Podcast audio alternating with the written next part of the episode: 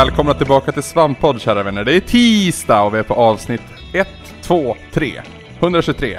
Det här är avsnittet som kan räknas. Mitt namn det är Anders Brunner. Med mig i veckans avsnitt så har jag Peter Ahonen och Linus Svensson. Hej! Hej! Hur mår ni? Ja, jag vet inte fan. Jag slänger ut så här öppna, jag fortsätter Luddes trend från förra veckan. Jag slänger ut öppna frågor till er båda och ber er liksom kasta er över dem som hundar på ben.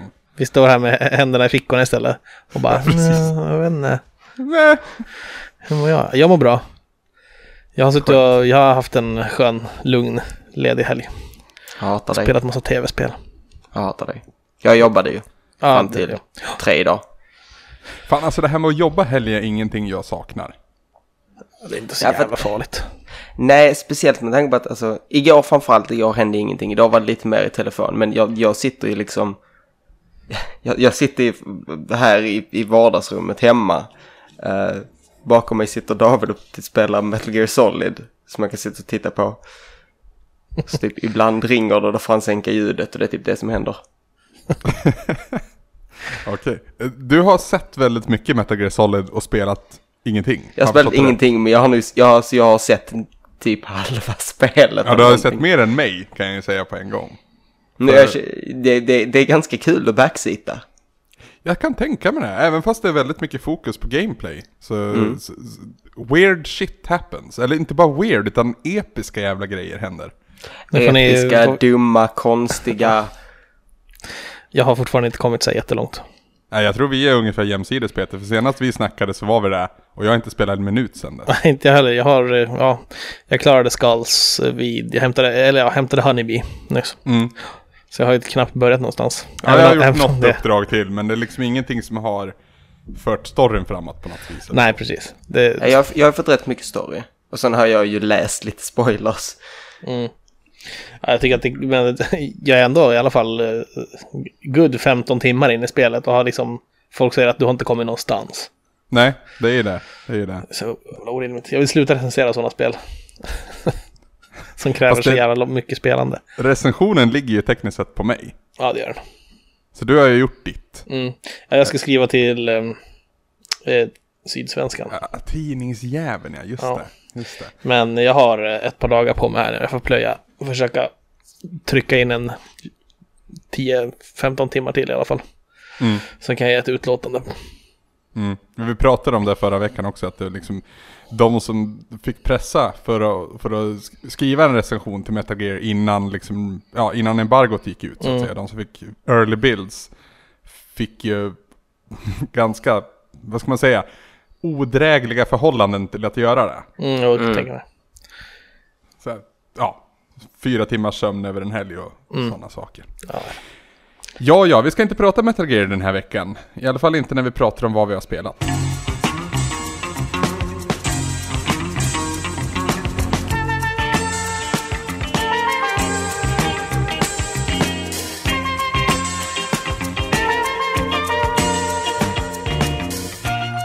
Det är ingen av er som äger en PS Vita, right? Nej, ingen vän av PS handhållet. Vita, Vilken, vilken, vilken konsol var det? Ja, det, ja. Ehm, till PS Vita så finns det ett spel som heter Tearaway. Som är utvecklat av brittiska Media Molecule och anses väl vara en av de bästa, om inte det bästa spelet till denna bärbara konsol. Eh, var det förra årets E3 som då Media Molecule, jag tror det var E3, det kan också ha varit Gamescom eller något liknande, hur som helst. Så har de då gjort ett till Tearaway-spel som nu heter Tearaway Unfolded och släpps till PS4. Och de, de ville göra om det från början med samma så att säga grundvärld men eh, med fokus då på DualShock 4 snarare än PS Vita. För det Tearaway gjorde så bra med PS Vita enligt de som spelade då.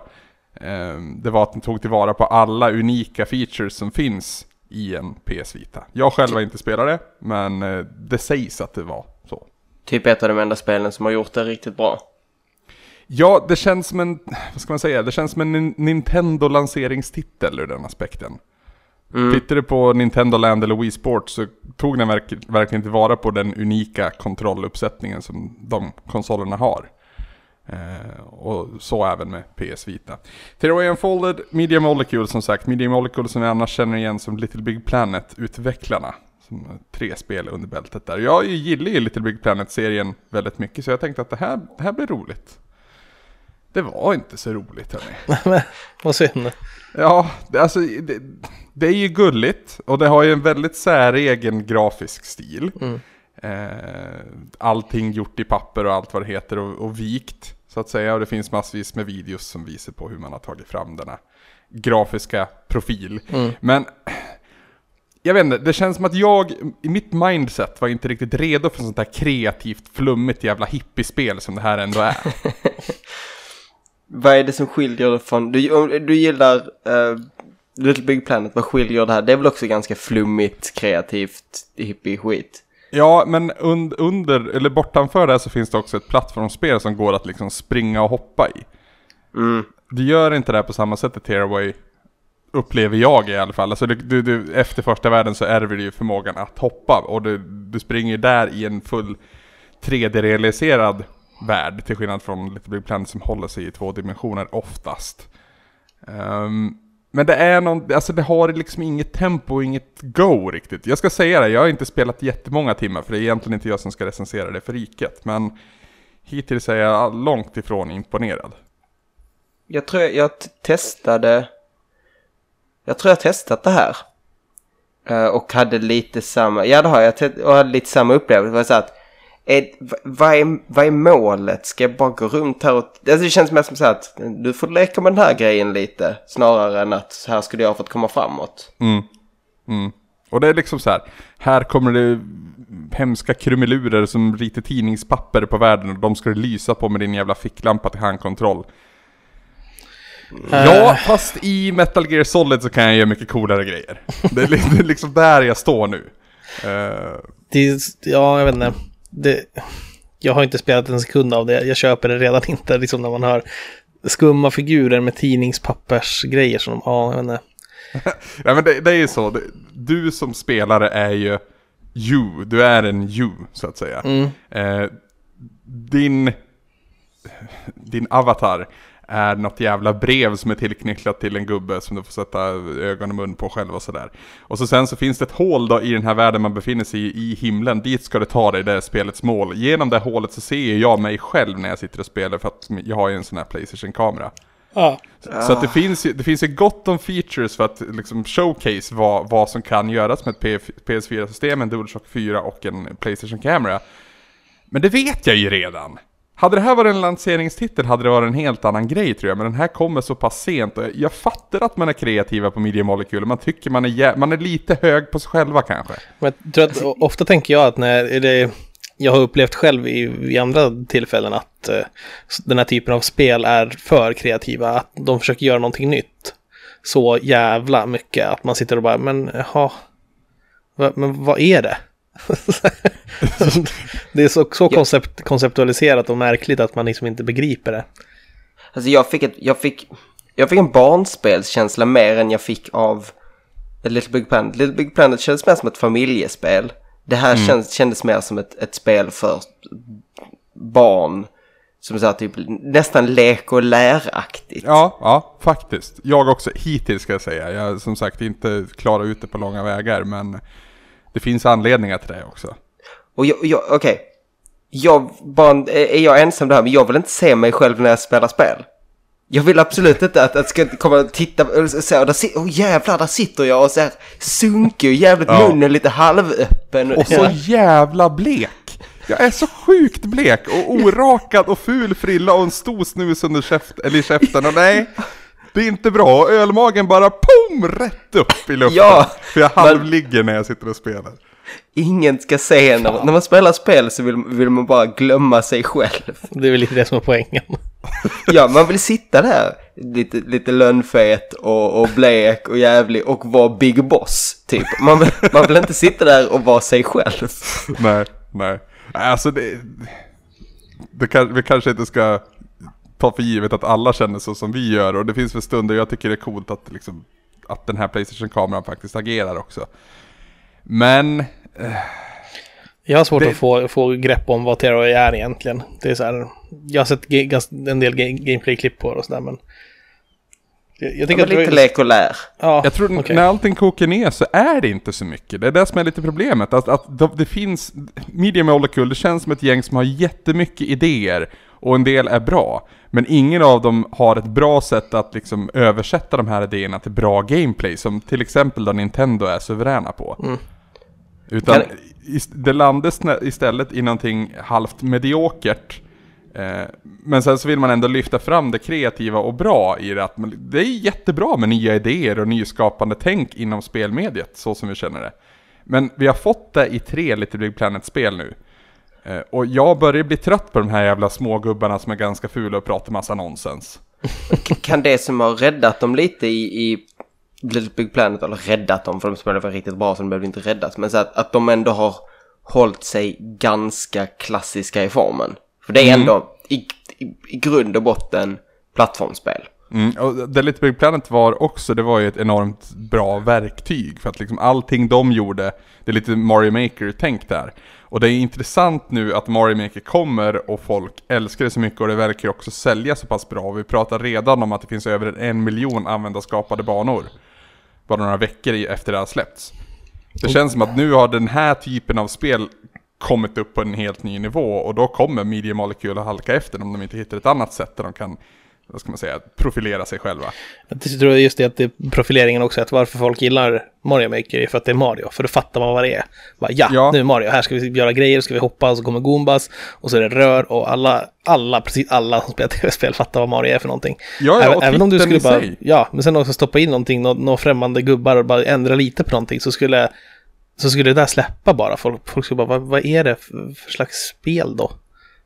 För, för i Little Big Planets, liksom, inte glansdagar på något vis, men när det fortfarande var nytt och hett så var det ju populärt att göra Mario-liknande upplevelser. Alltså skapa, återskapa kanske till och med bana 1-1 eller 8-1 eller 8 8-4 till och med. Eh, Så, och det är ju charmigt i sig, men det är ju mycket mer charmigt om det dels har den liksom svintajta kontrollen som Mario-spelarna har. Mm. Vilket Little Big Planet och Tearaway för den delen saknar. Ja, svampig kontroll i Little Big Planet i alla fall. Ja, Alltså- extremt konstig fysik som är svår att relatera till. Och det är kanske för att Mario var först. fan. Ja, ballongfysik men också sen, nej, den är, ja nej, den är inte så bra. Man vänjer sig, det ska jag vara noga med att säga. Alltså jag, jag har haft det roligt genom alla tre Little Big Planet-spel. Just för att man har vant sig vid hur fysiken fungerar. Och Men man har var- haft överseende med mycket. Men det var ju mer en mysig upplevelse än ett, en tight gameplay. Ja, ja, ja. Och det var lite samma sak i de byggda banorna. Man, man spelade dem för att de hade så här kul idéer och så här. Fast det pratade jag om när jag pratade om Little Big Planet 3 i den här podden och i min quick tit tror jag jag gjorde på det. Att det introducerades nya karaktärer i just Little Big Planet 3. Eh, bland annat en hund.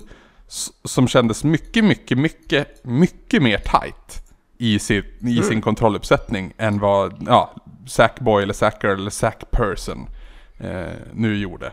Så de kan ju. Så att det kändes som att de bara hade satt att så här funkar fysiken och that's it. Utan att liksom se över vad man faktiskt kunde förbättra. Nu, nu pratar vi inte alls om Tearaway, men jag skulle vilja veta skillnaden. Alltså jag skulle vilja testa lite Mario Maker för att mitt problem med... Jag är dålig på att bygga saker i spel. Jag är jättedålig på det, det blir aldrig något bra. Men framförallt så märkte jag det i, när jag försökte göra det i Little Big Planet. Och det var ändå första Little Big Planet som en, liksom var början, grunden så att säga. Mm.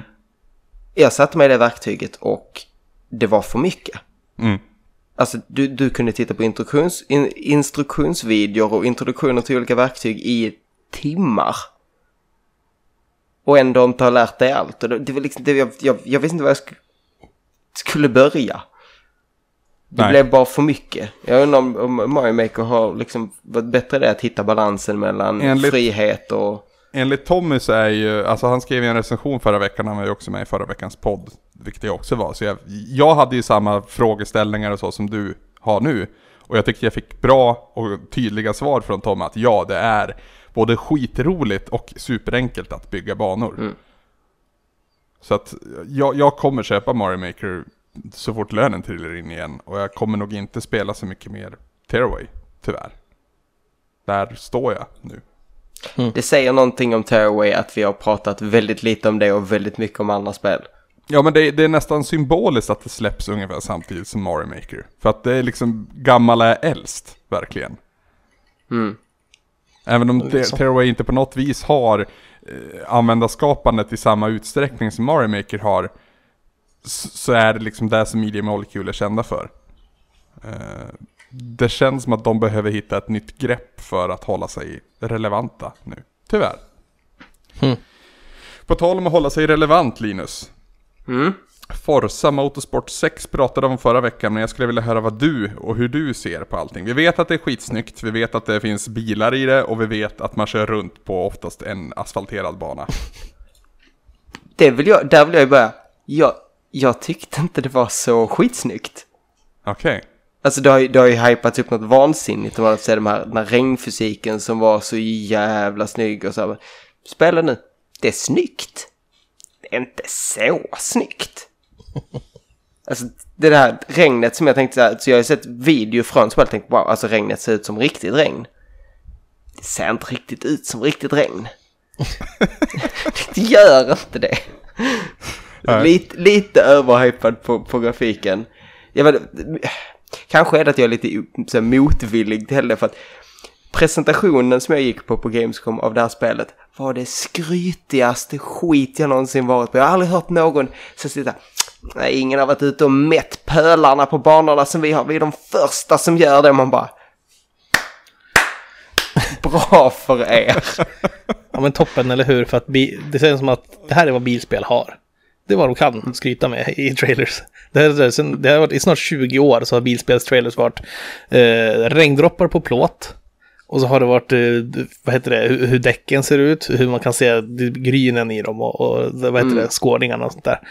Och, och typ, eh, ja, lens flares i, vad heter det, vind, eh, vindskärmen, vad fan heter det?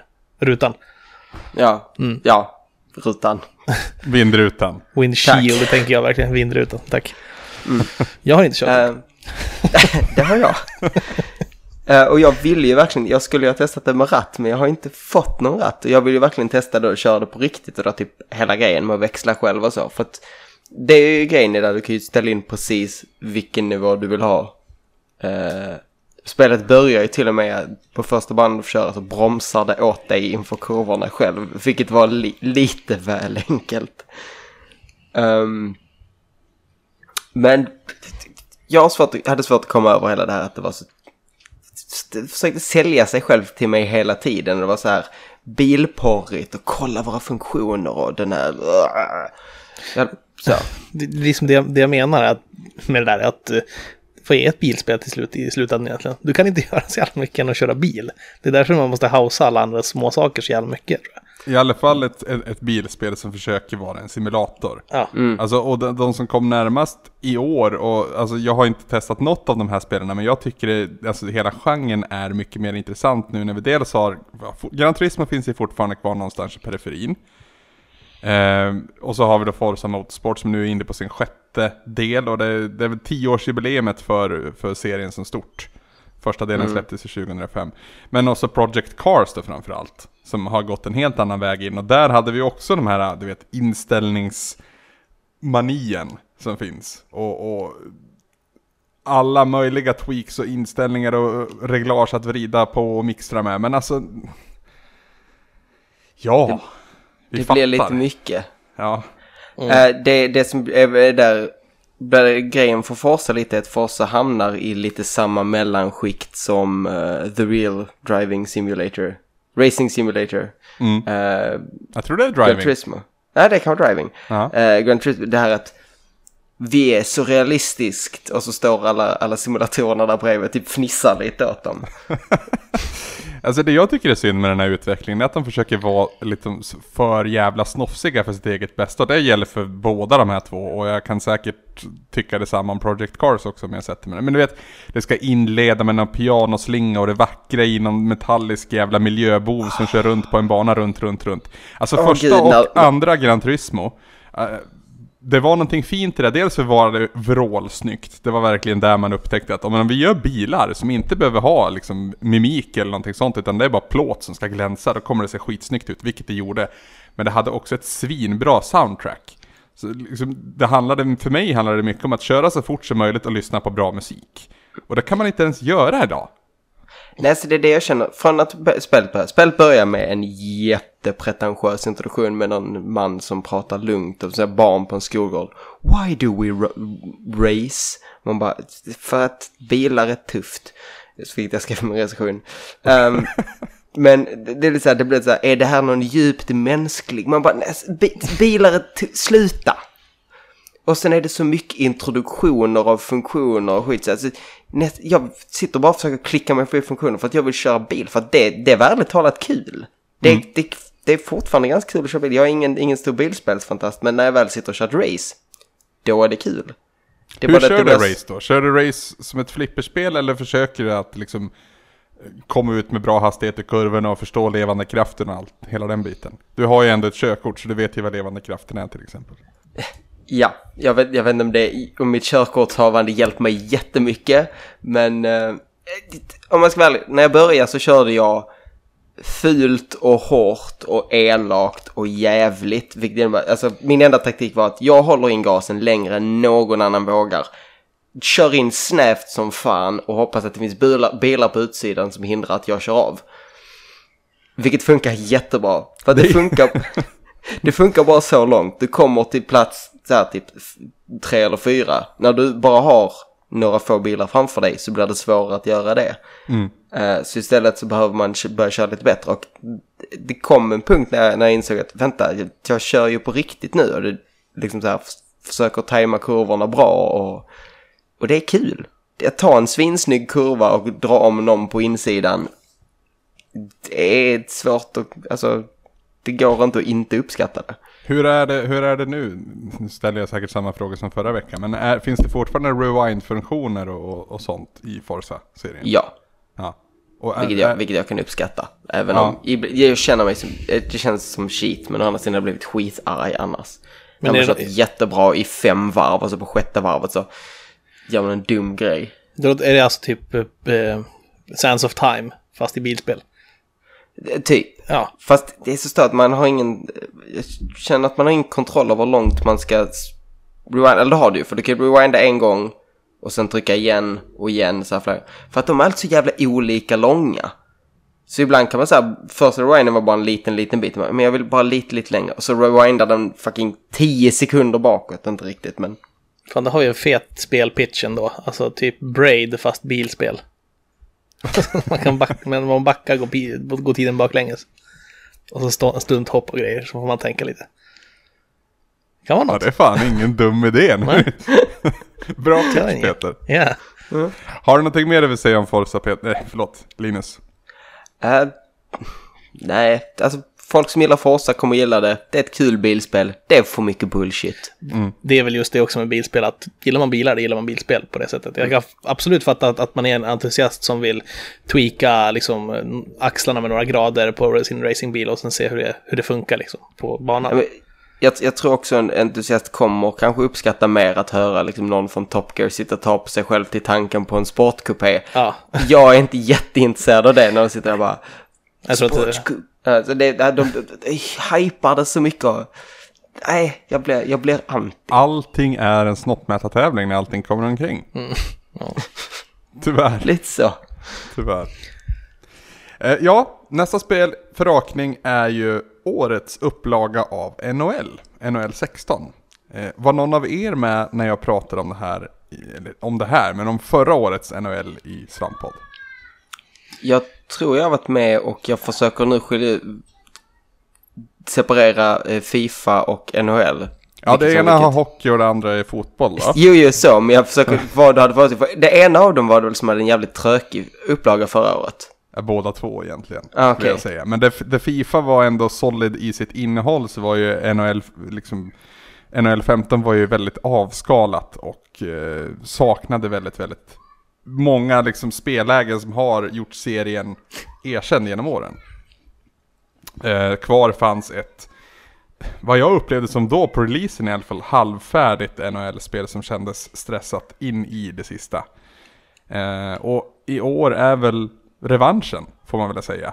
Eh, NHL 16 då som jag har suttit och spelat nu de senaste dagarna är Alltså, för det otränade ögat och för de som inte har jättestor koll på serien så är det inte jättestor skillnad när du befinner dig på isen. Alltså, det kommer se lite krumelurer där som, som skapar lite frågetecken. Men i övrigt så, så det är fortfarande 5 mot 5 på is med puck och med klubbor.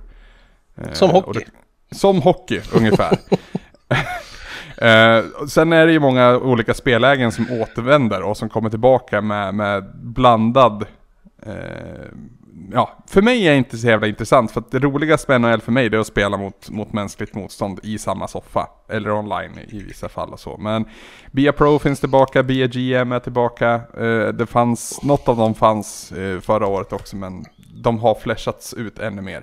Men det som gör NHL 16 så suveränt för mig, förutom att man har då verkligen tagit till sig av kritiken man fick. Varenda studio som tar till sig av kritik man får och gör någonting åt det, de har min applåd varje dag i veckan.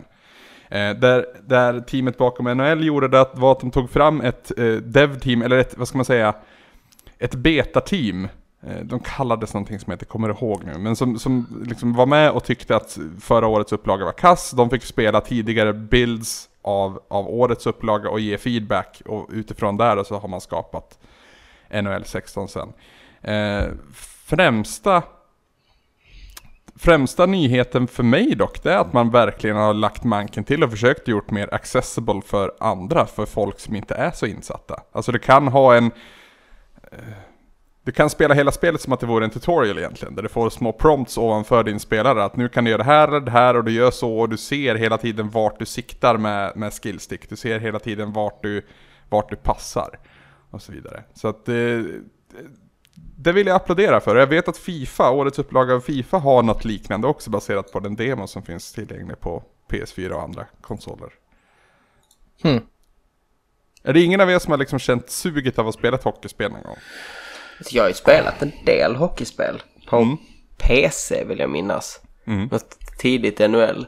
Mm. Och det, det, det är kul. Alltså det, Ja, det, det, det, är kul i den eh, mån, alltså typ att eh, om vi snackar eh, NHL 94 på Sega Mega Drive liksom. Eller Blaze of Steel eller Muted Hockey League eller något liknande. Så då tycker jag hockeyspel är kul. Men återigen, jag tror att jag hamnar i simulatorträsket här. Jag är inte en hockeysnubbe alls. Inte heller en fotbollskille i den mån att jag tycker om Fifa liksom. Så att det, det är där det halkar. Det, jag tror att de här spelen är för avancerade och för, för mycket hockey för att jag ska kunna gilla dem. Mm. De är ju helt klart avancerade vid det här laget. Alltså det, är, det är skillnad att spela NHL 94 och 2004 eller 2014 eller då årets upplaga. Eh, från 2015 men som heter NHL 16 då. Um, men som sagt, man har ändå sträckt ut handen lite grann och försökt fånga in eh, folk som inte förstår. Och jag ska inte säga att jag förstår alla komplexa system som pågår under en match i NHL. Och det finns ju olika träningslägen så att säga. Både när du spelar som ett lag eller som en individuell spelare. Där du kan lära dig mer om vad du gör fel, vad du kan göra bättre och hur du bättre liksom kommer åt vissa, vissa lägen och situationer. Mm. Eh, därtill så var ju ett, ett, stort problem för mig förra året var ju hur AI bet betedde sig. Inte de jag spelade mot lika mycket som de som jag hade med mig. Och det, där verkar också ha finslipats och de, de beter sig faktiskt mer som jag vill utifrån den strategi jag valt inför varje match. Eh, passningarna har också en, fått en rehaul där, där man nu kan, om man vill, och som jag brukar vilja ha det, slå på öppen yta och, och byta, vad ska man säga, jag byter kontroll över spelaren jag kontrollerar till den som ska ta pucken och så ruschar jag mot den slagna passen precis. Det liksom, så vill jag ha det. Mm, Lite det som en vettigt. genomskärare i fotboll ungefär, fast i hockey då. Så att det... NHL är tillbaka, kan man, kan man summera det så? Alltså det, det har varit, och det var ju det som var så slående med, med NHL 15 eh, blir det då, fjolårets NHL. Det var ju att NHL har alltid hållit en väldigt, väldigt hög lägstanivå. Och de gånger det liksom har dippat så har det bara dippat några få pinnar just för att det kanske inte har varit så mycket nytt intressant. Men någonstans i år så står planeterna mer i linje för att dels så har du det nya spelsystemet som, som togs fram till fjolårets upplaga. Men du har också den fullmatade upplevelsen så att säga och med eh, alla vassa kanter nerslipade. Så att mm. Det känns väldigt, väldigt bra. Problemet är ju att årets Fifa känns också väldigt, väldigt bra. Och jag har ju alltid haft filosofin att när det kommer till EA Sports fotboll och hockeyspel så kan du köpa varannat, varannat år. Det vill säga Mm. NHL ena året, Fifa andra året. I år känns det som att man ska köpa båda. Åh fan. Baserat på en demo då när det kommer till Fifa. Om du då gillar båda spelen. Men vad är, vad är konkret som, som har förändrats nu när vi gått in i ett, i ett nytt konsol, ny konsolgeneration? Alltså utseendemässigt inte så mycket faktiskt. Ja, det finns vissa stunder då det ser ganska fult ut. Hade de inte en Eh. Eh, alltså, slutspelsskägg nu? Var det förra året det kom? det, det, det, det är i år. Ja, det är i år. Okej. Ja, så vissa, vissa gubbar är väldigt skäggiga när, när man närmar sig slutspelet och så. Men det där är ju bara sånt där löjligt, kosmetiskt, oviktigt och så. Ja. Det, det jag, det jag liksom värdesätter är snarare en, en tight spelmekanik som, som inte känns orättvis. Och det förekommer fortfarande under spel mot AI att det känns som att ibland så får det inte röra pucken för att spelet har bestämt sig för att det inte ska göra det. Det förekommer i alla EA Sports sportspel. Och det kommer man nog aldrig undan. Jag ser fram emot dock att spela väldigt mycket NHL tillsammans, eller mot min bror och mot mina vänner som, som spelar serien så att säga. Eh, och det är egentligen där som det riktigt kommer prövas hur, hur vettigt det ändå är. Mm. För det märker du inte efter 20 timmars spelande, utan det märker du efter någonstans efter 200 timmar hur väl det håller. Och det känns på förhand väldigt, väldigt bra. Right. Då så. Jag har inte så mycket att tillägga där tror jag. Nej, det, det, det blir ju så. Men, eh, ja nu använder vi inte det. Men jag, om, om vi hade ett något typ av betygssystem så skulle det peka uppåt. Okej. det kom till NHL. Något typ, vi nämner inte vad det skulle vara, men det skulle peka uppåt. Precis. precis. All right. Ehm, släpptes ett spel i fjol Peter som heter Destiny. Jajamän. Eh, och sålde makalöst bra, spelades av väldigt många och några, några få höll jag på att säga, det är ju långt ifrån sanningen. Men inte alla, men väldigt många har fortsatt spela det sedan dess. Och jag fick det beskrivet nu på förhand som att när The Taken King släpps, som vi ska prata om, så upplevs hela det här året efter originalspelets release som en beta. Stämmer. Okej, Och lämnar jag över eh, ordet till dig. jag kan nog nästan skriva under lite på det. Alltså skriva under eh, i den mån att eh, det känns eh, så, som att de har slutat testa olika, de har landat någonstans på något sätt helt enkelt. De försökte med, eh, jag vet inte, de, de utvecklade olika koncept för att typ farma eh, reputation med olika, eh, olika fa- fraktioner som finns då för att få vapen och sånt och sen olika belöningssystem och allt sånt där som upplevdes ganska hattigt och lite orättvist och konstigt i, i, på många sätt. Men att de nu bara har konsoliderat allt till ett till något som makes more sense för alla typer av spelare. Om man säger. Förstår du vad jag menar? Jag tror det i alla fall. För att i sådana här spel så är det, det är ju det, man ska ju farma helt enkelt. Det är del av det att, att få eh, uppgradera sin utrustning och eh, ja, få bättre grejer. Och, och, och få den coolaste, bästa karaktären liksom. Och vägarna man gjorde det på, upplevde jag tidigare i alla fall, var eh, som bäst eh, lite krånglig. Som värst var det typ så här, men ska jag seriöst sitta så här länge bara för att få den här lilla skiten så. Så att eh, det var dedikerade människor som krävdes för att spela det tidigare. Och det var väl där jag skrämdes bort Mm. mycket. Jag har ju, ja, min, min vän Ivan till exempel, och till viss del också du, har ju ändå fortsatt spela. Mm, jag har tittat in varje expansion, Ja. men eh, har inte stannat särskilt länge. Eh, nu är det ju här tidigt också, det här släpptes ju inte förrän, alltså det var ju i var tisdags typ det släpptes. Eh, nu när vi spelar in är det söndag. Så att det har inte varit ute jättelänge, men man kan redan nu säga att alltså det är, det är markant bättre. Och det känns som att Destiny kanske, ja, det är konstigt, det är sällan man, man, ett spel har varit ute i ett år och nu känner man att nu kan man rekommendera det till folk. Det är inte ofta det händer liksom. Det, det är väl med MMORPG och sånt det händer egentligen. ja, jag tänkte säga det. Alltså, World of Warcraft var ju väldigt upphausat och liksom episkt när det först släpptes. Men det nådde ju sina höjder först några år in på sin livstid. Ja, jag håller inte med där. Jag tycker det var bäst i början, men då spelade jag också hardcore som fan. När jag spelade World of Warcraft. Ja, det är jättekonstig jämförelse också för är två väldigt skilda spel. Men om, om, ja, jag förstår vad du menar. ändå. Men nu, nu pratar jag mest också om själva gameplayet och typ eh, eh, här farmandet då. Och eh, ja, det är väl det som är stora delar av gameplay. Men alltså, eh, spelet har landat också på så sätt att de har börjat utnyttja världen på ett annat sätt och presentera den på ett mycket roligare sätt. Du har eh, fått eh, bättre storytelling på så vis att de har börjat använda cutscenes igen. Eh, De har, eh, alltså det finns tre klasser och varje klass har en sån här master som man går till. Så Huntern har sin, sin eh, boss de går till och The Titan har sin och Warlock har sin. De har blivit, blivit karaktärer helt plötsligt. Och de, har ju, de har ju bra röstskådespelare. Vi har ju den här eh, killen som spelar Daniels i The Wire till exempel. Ce- Cedric Daniels, han, den här eh, bredaxlade mörka killen. Mm, mm, mm. Och sen eh, har de några andra också som eh, spelar eh, de andra, som också gör ett jättebra jobb. Och sen så dessutom är Peter Dinklage utbytt mot Nolan North. Som gör Hur en... stor skillnad gör det? Det märks direkt. Att det, det, här, det här är... North har ju på något sätt... Alltså han är ju en otroligt skicklig röstskådespelare, vilket gör att han anonymiserar sig själv. Det hörs inte att det är Nolan North. Till skillnad Nej, från att ha fucking Dinklage där, så var det ju Dinklage bot, så det blev ju som ett meme i spelet, ett skämt. Som man drogs med. Samt att den kändes otroligt opersonlig och var bara någon slags flytande boll man skulle försvara från fiender medan han supposedly låser upp en dörr åt den. Ja. och, och det kändes ju menlöst. Men nu är det en karaktär som hänger med en hela tiden. Säger mycket roligare saker, bättre manus.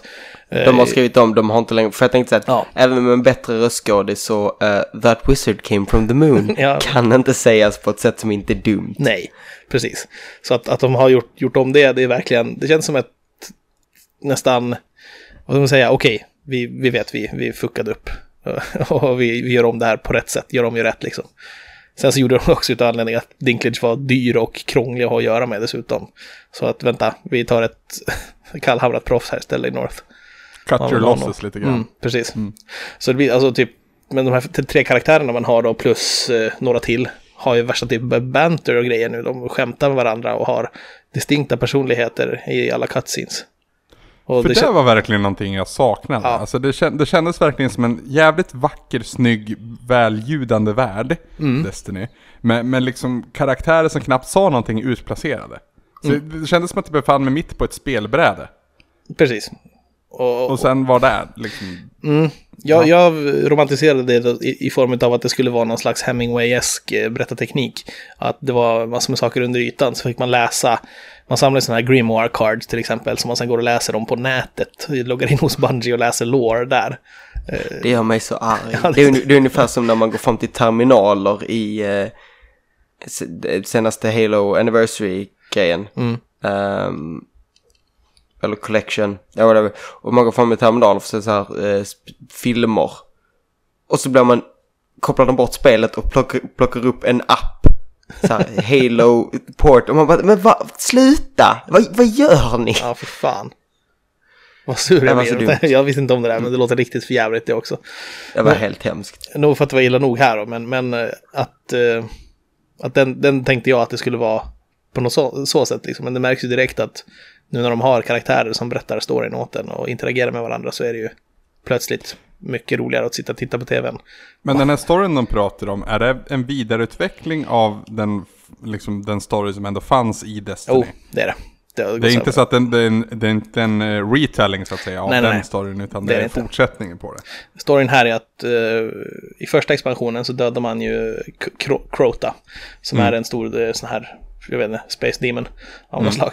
Och eh, det som händer här nu det är att pappa kommer för att han är arg. För att de har dödat hans son. Så det där är Oryx heter han och kommer från, jag vet inte vilka eh, mörka hörn från universum och tar sig till våra solsystem och ska hämnas liksom.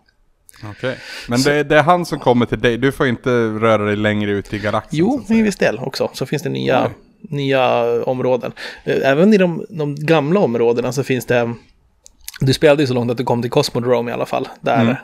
att nu får man... Du, du de här stora tornen som man såg de här skeppen som, skulle, som stod stilla och Mm. aldrig hann skjutas iväg. Man får klättra upp i ett sånt nu, ett uppdrag till exempel, och se hela Cosmodrome uppifrån, från typ nästan, ja, kilometers höjd liksom. Är det så vackert som jag föreställer mig? Ja, fantastiskt snyggt. Ah, men sen eh, dessutom utifrån det här så ligger ju hans flotta strax utanför Saturnus. Så nu får man röra sig ut längre ut i solsystemet också dessutom. Och eh, leta. Eh, fienderna som man möter är en blandning av alla tidigare fyra raser, om man säger. Du har Vex, du har Falen, du har eh, Kabal och sen, ja, Hive då. Eh, för att de är Taken, kallas de. Det här för ordet kommer, Taken King. Att han har eh, på något sätt gjort en sån här, eh, vad heter det, det är typ mind control och någon slags korrumpering utav dem. De är svartvita och typ så här ryckiga i gång, gången sådär. Som så, Mass Effect? Typ, ja. ja. Så, så att det känns definitivt som att du får en, det är lite mer, vad ska man säga, det, det är svårare att Eh, förutse vad, vad, vad för slags strid man ska möta. För att det är så mycket olika sorters fiender som kan komma från. Alltså det blandas till bra och det känns mer spännande också. Och inte så här, okej okay, nu är vi på ett växtställe, nu ska vi skjuta dem i magen och så ska vi använda det här vapnet. Liksom. Inget Men sånt. för vem, för vem är The Taken King? Är det även för, säg att man aldrig har spelat en minut Destiny? Ja, dags att börja nu för att de har ju gjort om det också i den mån att, eh, som sagt, nu finns det bara en valuta egentligen du behöver bry dig om när du nått level 40 som är maxkapaciteten nu. Och det är mm. Legendary Marks. Och jag tror att alltså, det finns för vissa andra faktioner så här, men för att huvudsak kunna ta det någonstans och få de feta grejerna som krävs för att kunna börja raida så är det det som gäller. Och sånt får du genom att göra dailies uh, och du får samla det genom att göra uh, sådana här ja, quests dagliga helt enkelt. Mm. Inte bara bounties utan ja, göra raids helt enkelt. Vad heter det? Strikes kallar de det. Just det. Just det. Men finns det, finns det liksom storyuppdrag i samma utsträckning som det gjorde i original Destiny också? Eller är det raids, och, eller ja, strikes då som gäller upp till den nivån?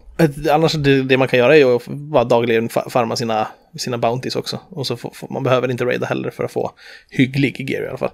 Det är klart Nej. att det finns, om man ska stick, sticka och döda Oryx, så där ligger det bästa, självklart. Men mm. de har ändå tidigare, alltså typ vilken jävla rörare det var i eh, när eh, andra House of Wolves kom. Och du hade säkert tio olika valut valutor du skulle hålla koll på och rep reputations med olika faktioner och sånt som var. Nu finns det fortfarande reputations och så du kan samla, men eh, det är mycket mera ihopsamlat. Du kan, det är så mycket mer översiktligt. Hörru du, du är ju ändå en erfaren MMO-spelare till viss del. Mm. Jag är ju inte det. Mm. Jag kan inte låta bli att känna att det är så jävla mycket bullshit i de här typerna av spelarna för att man liksom ska tvingas spela mer. Ja, jo. Det kan man väl hålla med om till viss mån. Ja men du, du fattar vad jag menar. Det där med tio valutor, alltså bara ja. där ringer alla varningsklockor. Nu har de ju tagit bort det här. Jo, precis. Men, men överallt så är det liksom, ja men du ska spela så många timmar för att få kanske den här grejen. Mm. Det, det, känns som att det, det här kanske-grejen är, är, är, något eliminerad nu. Uh, det känns som att det, det är lättare för alla att farma sådana här eh, engrams och sånt och låsa upp hos, du vet, Cryptark, han som, ja, ja han dekrypterar de här grejerna för en. Och de, sådana kan man köpa som är till för, så att alla har en chans att få de absolut bästa grejerna. Så att, men det är fortfarande lite kasino, det är det ju. och sen en sån grej som, som dailies. Mm. Dailies är det som fick en att hänga kvar i Farmville. Ja. Lite ja. den grejen är det ju fortfarande. Men... Jo. Alltså det är vad det är, det är det verkligen. Det, det är kanske inte för alla heller, men jag tycker att eh, i alla fall att de har slutat med all bullshit runt det som de höll på att testa med förut. Och gått tillbaka till någonting som är mer tydligt. Känns väldigt viktigt. Men vad är det du tar, för det känns ändå som du är väldigt positiv till just The Taken King. Mm. Är det då alla nya tillskott eller är det att du har en ursäkt att spela det, det otroligt tajta Destiny-gameplayet igen? Det är väl faktiskt bägge två. Okay. Destiny är ju i, i sin grund en alltså top, toppen shooter verkligen. Det är mm, mm. svårt mm. att komma att tänka på någonting bättre egentligen. Det är väl typ Call of Duty-spelen som kan det, men... Fuck no. Fuck no. Tycker jämföra... Nej, nej, nej, nej. Alltså, jag, jag fattar att det känns det känns lika tight. Men, men Call of Duty fuskar ju. Mm, ja, i och för sig. I och med att du, du, du tvingas in i det här trånga utrymmet, utrymmet mm. och du behöver flytta jag, pekaren. Jag förstod, jag förstod vad jag menade när du sa fuska direkt. Det var ja. så här, ja, faktiskt. Men, ja, snortajt gameplay i Destiny. Sen också att du, att det faktiskt är roligt igen. För, för att det, storyn berättas på ett annat sätt genom, en, genom ett nytt manus åt en mycket skickligare röstskådis som gör att den här kompanjonen man har med sig gör att världen blir lite mer spännande. Det är fortfarande enorma plot holes i den här storyn också, då man vill veta mera vad, vem The Traveller är och sådär. Men jag menar, de har förmodligen någon slags långtgående plan nu. Så att håller de den här nivån så kommer de fortsätta fiska in mig till det. Och fortsätta, jag tänker spela så fort vi lägger på här sen också. Okej. Men- Är det originalspelet House of Wolves Taken King? Har jag missat någonting då? eh, Första expansionen heter Dark Below. Dark Below också, Mm. just det. Just det. Eh, det är ändå en ganska saftig mängd spel som finns nu. Det är det, men i, där är dock, det här är något som är oundvikligt i den här typen av eh, alltså, progr- MMO-progression, i att nu kommer nästa raid. Då är de andra, de känns poänglösa. Okej. Eh, jag kan tänka mig dock att, eh, att jaga Skolas i, vad heter det, eh, vad heter det då? Den andra expansionen. House of Wolves? House of Wolves, tack. Eh, att gå dit och farma det här Prison of Elders som finns där. Mm. Där finns det liksom goda chanser att få, få ganska jävla bra items. Som man kan eh, leka med. Fast i och för sig så eh, är ju de kanske, jag vet inte om de, är höj, om de har höjt level på dem till att passa level 40. För att jag har liksom, jag hade ganska jävla bra vapen och utrustning på min karaktär. Men de är utbytta till sådana vanliga gröna nu allihopa igen för att de är mycket mer kraftfulla. när, när man börjat komma från level, jag började på 32 och nu är jag på 37. Så när jag kan ha level 37 vapen så är de mycket bättre än mina tidigare så här jätte-epic rare grejer på level 30. Men 20 var level cap för första Destiny. Mm. När blev det från 20 till 30? Eh, det flyttades upp där någonstans. eh, det, nej, det var aldrig 20, någon, det, var det 30 ens. Jag minns fan inte. Ja, det, det, de, var, har- det var level 20 men sen så kunde Mm. det bara uppgradera Light din, level. din gear. Ja, precis. precis. de, är, de är helt separerade nu. Det är det som är viktigt också. Att du blir level 40, men sen så har du en eh, light level också som säger hur passande man är för olika raids och så. Mm. Det är väl vad man kan kalla gear score som fanns i World of Warcraft förut. Att, eh, det, det hade man plugins så, som samlade ihop och jag hade någon algoritm som räknade vad ens gear score var. Det här är väl ganska, ganska exakt samma egentligen. Är det någonting i den här, äh, först och främst, är det här ett DLC eller är det liksom en uppföljare? Det är det fetaste DLC hittills på, på Destiny. Är det. Så Ja. det är inte en uppföljare, men alltså det känns som att de ja, samlar ihop spelet nu på något sätt med det här. Att det, det är snöret som knyter ihop säcken till att kunna bli något. Eh, Det är därför också kanske de, de tog ut det här ganska höga priset. Det ligger ju på 400 spänn för en DLC liksom. Det tror jag i alla fall. Det är fan dyrt. Ja, pund, det var 39 pund i alla fall tror jag det stod. Ja. Så det är kring där. Och det är jäk, jäkligt dyrt och det är väl taskigt för folk som redan lagt ner mycket tid och pengar i Destiny. Det är väl det enda dåliga jag kan tänka mig med det. Men eh, över, det är klart värt det skulle jag säga. Jag tycker att eh, expansionerna har blivit bättre och bättre, men den här var markant bättre.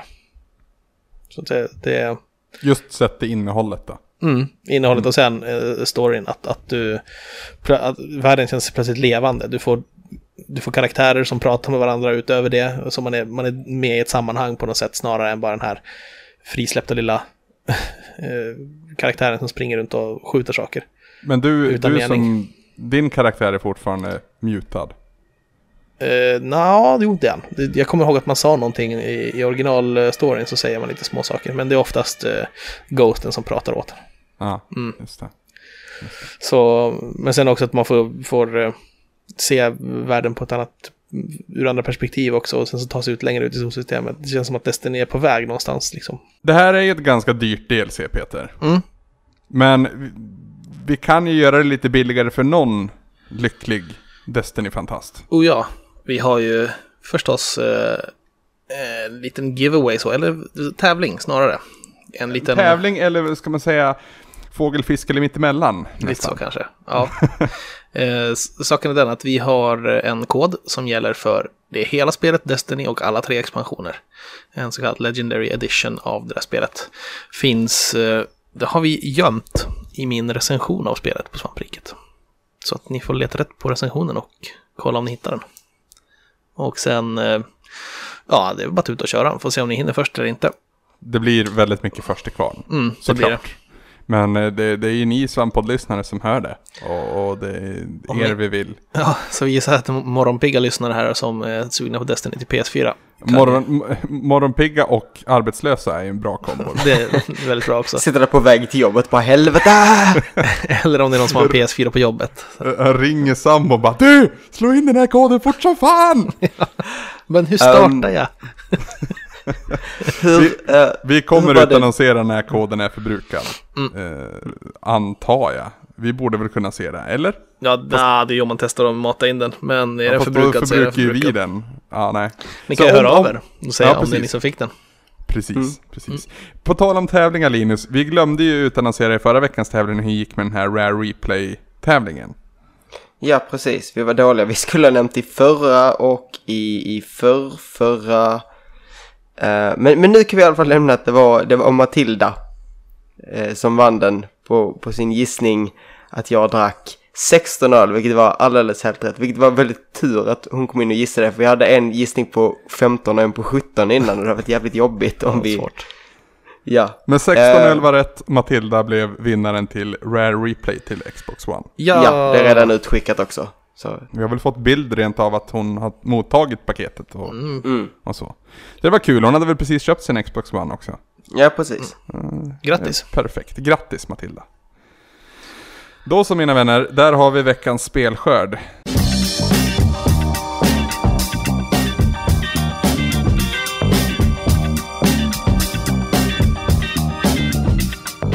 Nyheten som jag har med mig är att vi har fått en, eh, inte en eh, rak prissättning, men vi har fått ett ungefär på vad vi ska betala för den nyligen också döpta Playstation VR. Just det där som tidigare var känt som Project Morpheus. Precis. Den kommer att heta Playstation VR. Och... Ja, jag eh, är så arg. Vilket, vilket mycket sämre namn. ja, Nej fast det är det ju inte. det känns lite mer cleanare, Morpheus. Ja, eh, då. Morpheus är ju Matrix-runk. Ja, det, det är lite töntigt. Det är det är inte, alltså, jättetöntigt. det kommer inte från Morph, det kommer inte från Matrix från början. Matrix hittar inte på Morpheus. Morpheus är typ den grekiska guden av drömmar. Ja, alltså, ja, mm, Ja men ändå, det är Men- fortfarande töntigt. ja. Okej, ja jo, lite töntigt. Helst. Playstation VR är skittråkigt. Fast det är väldigt to the point. Ja, Ja, fine. Det är ungefär som du vet Playstation. okej då. Whatever. Nu har de, nu har i alla fall Andrew House på Sony har eh, eh, pratat lite om den också. Den, under den tiden så har han sagt att Playstation VR kommer att kosta som en helt ny konsol. Vad tycker vi om det här? Alltså, det har ju alltid funnits ovanför det här projektet som aldrig liksom... Från början har man varit väldigt noga med att det är inte riktigt säkert att det här blir av hörni. När man liksom började leka med Morpheus. Så. Eh, men det är ju det är teknik som kostar pengar såklart. Sen om det innebär att det kostar 4 500 tusen det är mycket pengar. Men jag har, jag förstår inte vad folk klagar om när det gäller det i så fall. För att om man lägger ut, pungar ut, vad, vad, vad kostar en Apple Watch? 8000 spänn. För en liten jävla plutt man har på armen. Som typ är helt värdelös i jämförelse med, alltså typ att kunna stoppa på sig de här glasögonen och uppleva VR i den nya generationen. Ja, Mitt, mitt, stora problem där är att alltså, vi vet att det kommer vara en nischprodukt, det kommer vara väldigt få som köper dem. Eh, priset är bara ännu en del i det. Men vad kommer man göra med det sen? För det kommer inte vara en stor publik som har köpt det. Hur mycket mjukvara kommer släppas till den? Och det, Det kommer, vara typ. Det kommer ju vara typ så här ett gäng och kolla det är VR-grejer, eh, ett halvvettigt spel och sen en massa så här, shovelware. Mm. Alltså den behöver, ju- den behöver ju en killer app. Som allting så behöver den en killer app. Som, som verkligen legitimerar att det här är en ny teknik som faktiskt fungerar. För det har jag fortfarande inte sett. Jag har sett många intressanta idéer. Men de har antingen A sett förjävliga ut eller B inte funkat så som de borde funka. Och där gäller det då Oculus Rift. När jag fått testa det. Ja, jo. Eh, så. Sen, sen så tror jag ändå att där kommer vi landa förr eller senare. Men när jag säger vi så pratar inte jag om en bred massa. Utan då pratar jag om en hängiven liten skara. Som kommer tycka det här är häftigt och ballt. Eh, jag tror inte att det är Sony eller Playstation-divisionen hos Sony som kommer föra eh, virtual reality till folkhemmet så att säga. För där, där har de inte, de har, i- så fall ska Sony bilda en helt ny division som exklusivt sys- sysslar med det här. Och Sony verkar fortfarande vara intresserad av att skala ner snarare än att expandera. Men alltså om vi pratar prissättning igen så typ, jag, jag tror inte att det gör någon skillnad om den kostar 2 eller 4 tusen. Det är fortfarande samma folk som kommer köpa den då i så fall. För jag, Det är sant. jag kommer inte köpa den för 2, jag kommer inte köpa den för 4 troligtvis. Men de som kommer köpa den kommer att köpa den. Mm. Och där är det också återigen liksom folk, folk betalar hutlösa summor för massor med annan skit. Så att jag menar, och det här är ju ändå något som är ganska häftigt. Men det Apple gör rätt med sina produkter är att man binder dem oftast, eller det är inte Apple i sig, men det, de fattar ju att det är så det går till. Liksom. De binder det till abonnemang. Varför finns det ingen, inget liknande när det kommer till spelkonsoler som ändå ligger i samma eh, priskategori så att säga? Alltså du kan ju köpa dem på avbetalning men Ja. Klart. Bredbandsbolagen var väl närmast när de hade så här, köp bredband och få en Playstation på köpet. Typ. Men det är ju inte så mycket ett abonnemangsgrej, det är väl mer bara en typ free, en giveaway-grej som inte är en giveaway egentligen. Så fucking abonnemang är ett jävla juridiskt helvete det också. Man- Jag vet inte, jag skriver inte under på några jävla papper för att få någon jävla VR-hjälm heller. I ain't saying, signing shit! ja, precis. För att, aj, jag älskar att ha avbetalt. Jag vill, jag vill bara prenumerera på allting och så här, jag hatar klumpsummor. Det gör mig ledsen. Det är en häftig price tag ändå. Det är det väl. Men sen så, så som Linus sa också, det, det pekar, alltså om de gör någonting som är värt att spela det. Nu, nu är det ju här också, man får väl acceptera att det här är på, på alltså det är en pionjärprodukt. Och det kommer att komma mer och mer. Och till en början så är det inte så konstigt att det är dyrt. Så, att, så har det väl alltid varit med nya prylar. Alltså, det är en pionjärprodukt och det kommer, kommer mer och mer. Tänker ju lite på uh, Virtua Boy, hur, hur den pionjärade Ja, just det. väx- Och om det blir det eller om det blir så här typ folk kommer att stå och kräkas i Oculus Rift och i, i eh, Playstation VR i några år nu och sen kommer det vara dött igen. Virtua Boy var ju inte gjord för mänskliga ögon. Liksom, den här har jag haft tid på sig att utvecklas. Jo, folk kommer fortfarande kräkas i den. Ja, det är möjligt. Man kanske får sälja till någon sån här, vad vet jag, någon tilläggsprodukt som fångar upp spyan. Slang. Playstation Barf Bags. Ja. Så som jag ser framtiden för VR ändå så ser jag verkligen att det behöver vara liksom, upplevelse riktad till, till just specifikt. Alltså jag vill inte spela Destiny med VR. Och jag vill inte spela Mario Maker eller, eller Tearaway eller what have you liksom. Jag vill ju spela någonting annat. Mm. Någonting där, där det verkligen tas för givet att hela min, vad ska man säga, intryckssfär är upptagen av, ja. Av typ som, så att säga. alltså jag skulle kunna tänka mig en rad spel egentligen som skulle funka. Om vi pratar om, eh, Flower till exempel är ett bra exempel. sure, The Witness kommer också Ja. snart. Ja, januari. Ja, 26 januari tror jag. tror jag. Mm. Men att då, eh, det skulle kanske funka med en VR-hjälm. Det är väldigt lugnt och stilla och gå runt och bara utforska världen. Så. No More Heroes. Nej, Alien. förlåt. No More Heroes. No Man's Sky menar jag såklart. Ja, det också. Alien. Ja, Soma, kommande från de som gjorde uh, Amnesia. Ja, just Ah. det. Oh. Ah. Nej, fy fan. Nej, det, det, det ska bli intressant. Jag tycker jag säger det varenda gång vi pratar om Morpheus och, och VR och så. Det ska bli intressant att se vad framtiden har att... Mm. att så. Men, ja. Men tänk, tänk, om de, tänk om de har en möjlighet att koppla den till, till spel av den typen. Som gör att det faktiskt funkar att spela, mm, säg hälften av spelen som kommer till, eller FPS-spelen som kommer. Det har ju funnits teorier på nätet om att No More Skies, No Man's Skies, gud vad svårt det där var idag. No Man's Skies förseningar beror enbart på Sony, eh, Sonys Morpheus eller Sonys VR då som det heter nu, att de ska paras ihop. Ja, jag kan, jag kan väl tänka mig det. Det skulle funka otroligt bra i, eh, alltså typ i cockpiten på ett rymdskepp och sitta och se sig runt och Mm. sådär. Ja, ja, 4 till 5 tusen höftat. Häftigt då, precis. Mm. Linus, Ja. Um, bara vi tar min nyhet innan din, för din kan göra mig arg. jag har faktiskt två, men ja, okej. Ja, Okej. Mm. Eh, NeoGaf har eh, varit och grävt, NeoGaf har grävt fram något som de gör så ofta. Eh, och det är att eh, Nintendo har lagt ett nytt patent vid United States Patent Office. På en handkontroll. Just det. en liten, eller liten, ganska stor klump. Ser det ut att vara. Ehm, Fast något mindre klump än Wii U-paddan. Det, den är väl mindre, det är svårt att se från bilden men jag gissar att den är mindre. Ja, men om man tar för givet att handen är av normal storlek. Mm, den- Okej då, då är den, den, är, den är något mindre. Men den har fortfarande en touchplatta i mitten. Ja.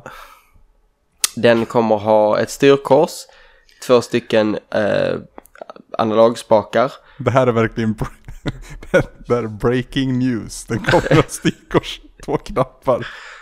Ja, det kommer bara ha två stycken faceplattan till skillnad från fyra som vanligt. Ja.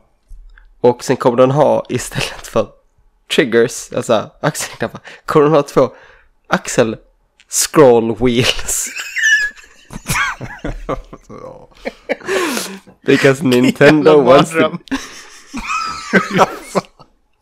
Sitta och halka på dem där. Någon på Nintendo bara, ska, ska, ska, vi, ska vi göra bara så här en, en vanlig kontroll som alla andra? De bara, "Pff, fuck no, we're gonna scroll. Typ någon kommer och pitcha det på, inne på kontoret så här i konferensrummet. Men ska vi göra en vanlig? De bara Nanda jo! Vad ska vi? Är inte klok? Vi måste göra någonting nytt och weird vi har gjort. Vi har, gjort. Vi har den stora, vi har den så här touchplattan, vi har gjort viftgrejen. Så Vi har inte in. gjort scroll.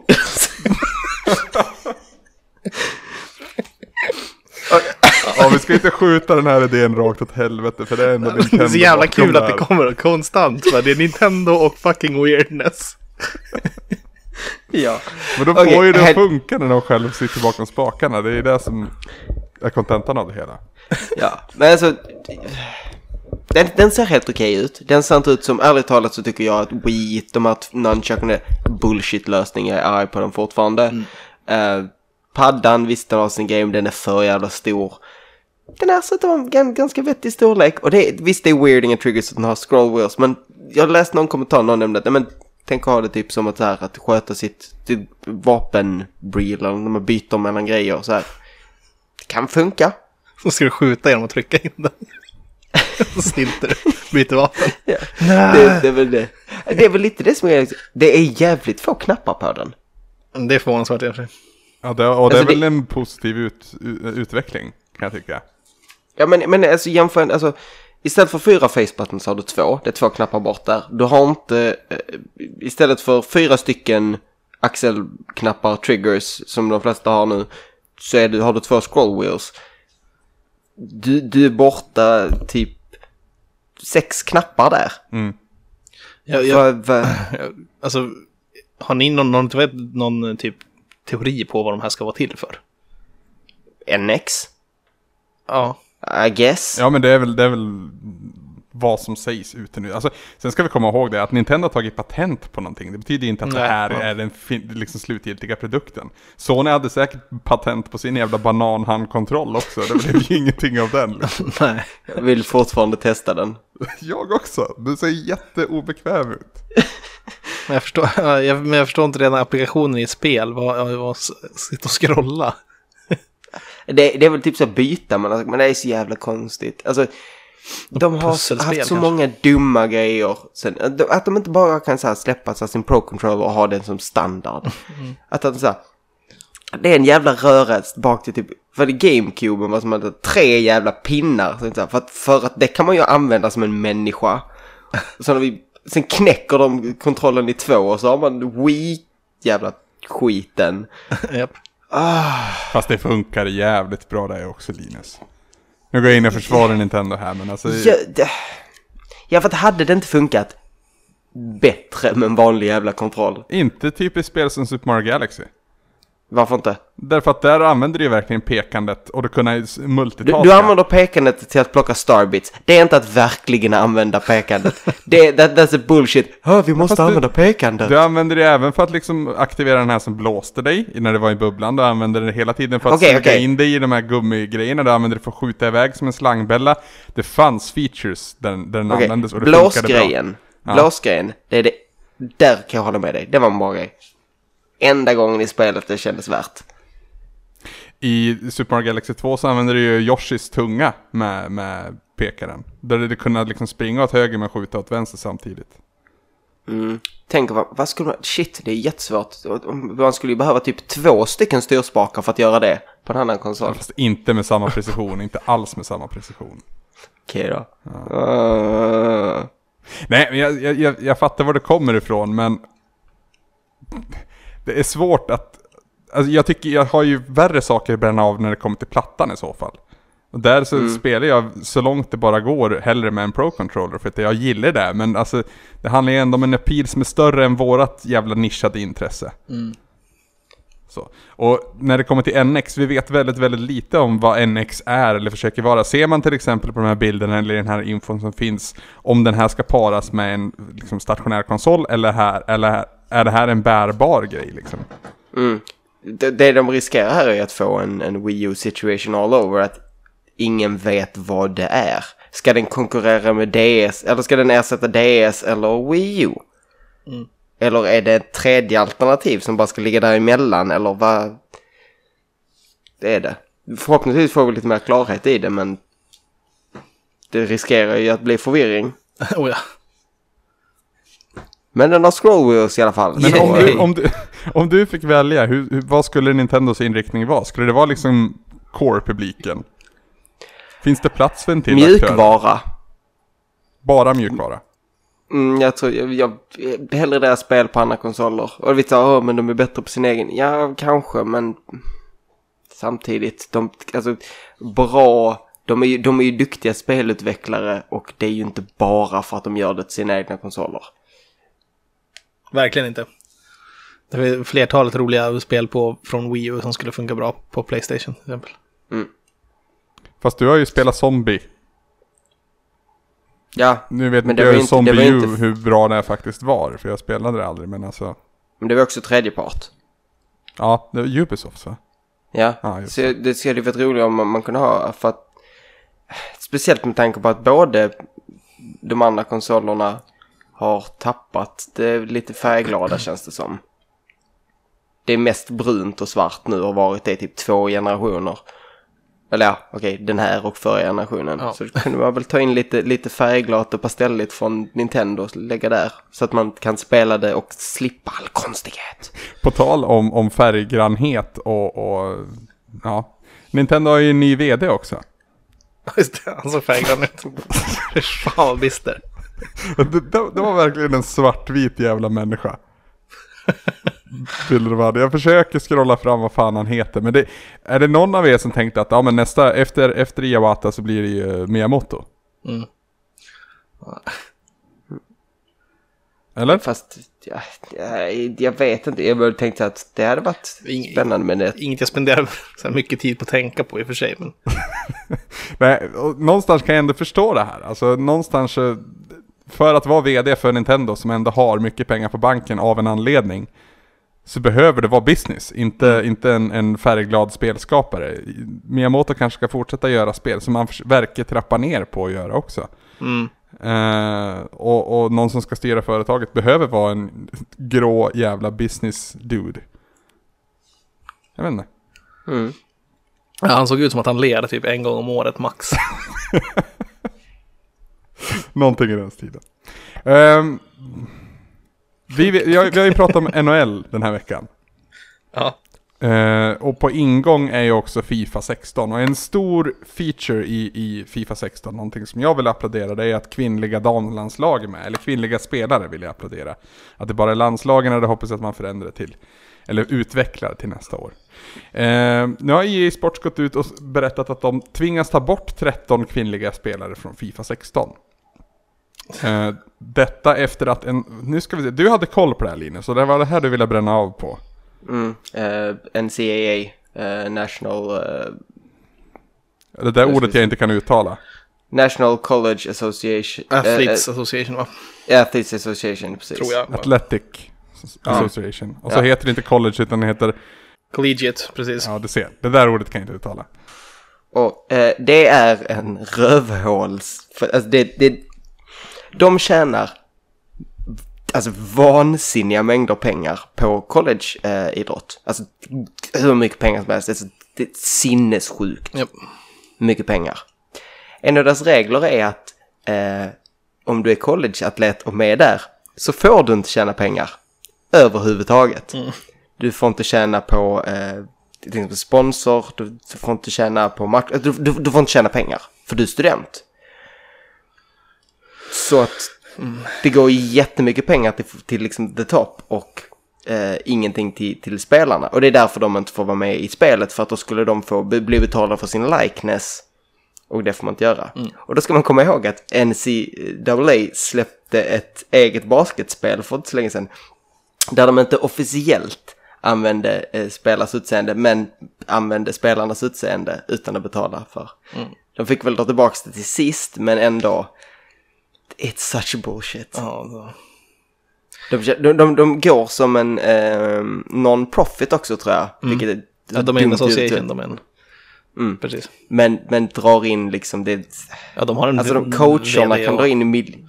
Ja, Det är ett bolag. coacherna kan dra in så jävla mycket pengar Mm. men spelarna får inte dra in något. Precis. Det är mycket bullshit där. Det är så, such bullshit. Ja, det är corporate America, kapitalist, juridik och så vidare som, ja. Och det, som har hänt, det som har hänt här är att NCAA har meddelat att om de här 13 eh, kvinnorna eh, är med i Fifa 16 så riskerar de sina platser på skolorna. Mm. Där de styr över. Och är- sports, i sports i sin tur då säger att det här är ingenting vi tycker är okej. men för deras skull så tar vi bort dem ur Fifa 16. Mm. Ja, de kan ju inte göra något. Nej. Vilket... Fan vad surt. Alltså. Vilket jävla rövhåleri det är. Mm.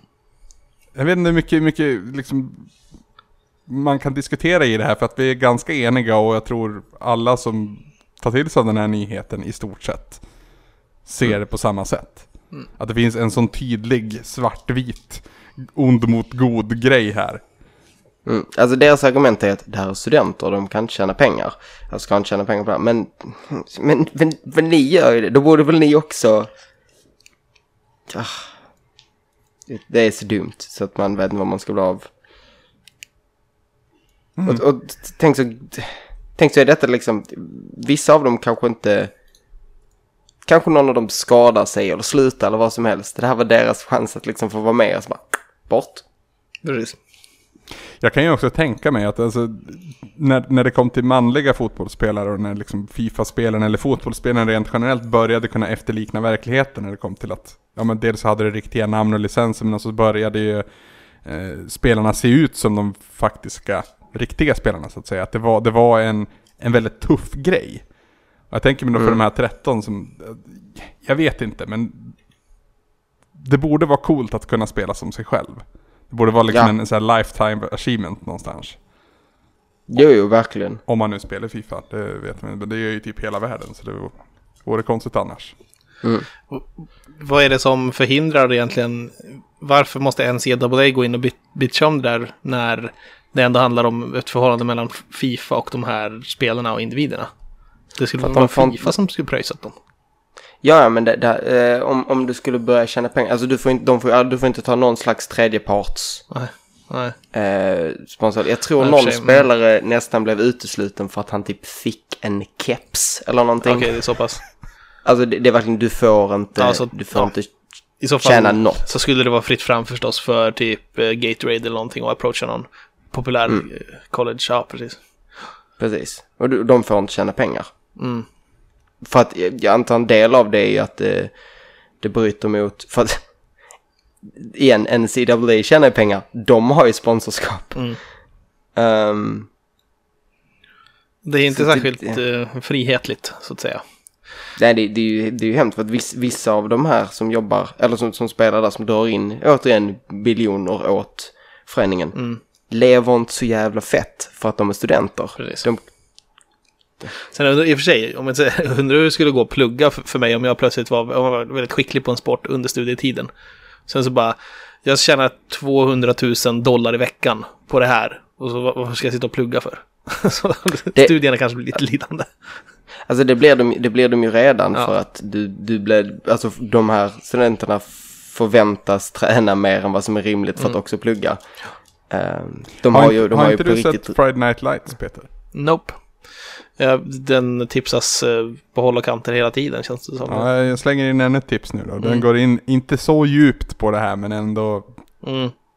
berör ämnet ganska. Jag gillar NFL också. Så. Ja. Ja, och det, alltså jag, jag gillade ju inte, alltså jag vill säga ändå att den serien som handlade om ett liksom, amerikanskt fotbollslag, mm. mångt och mycket, baserat på filmen men eh, under flera säsonger.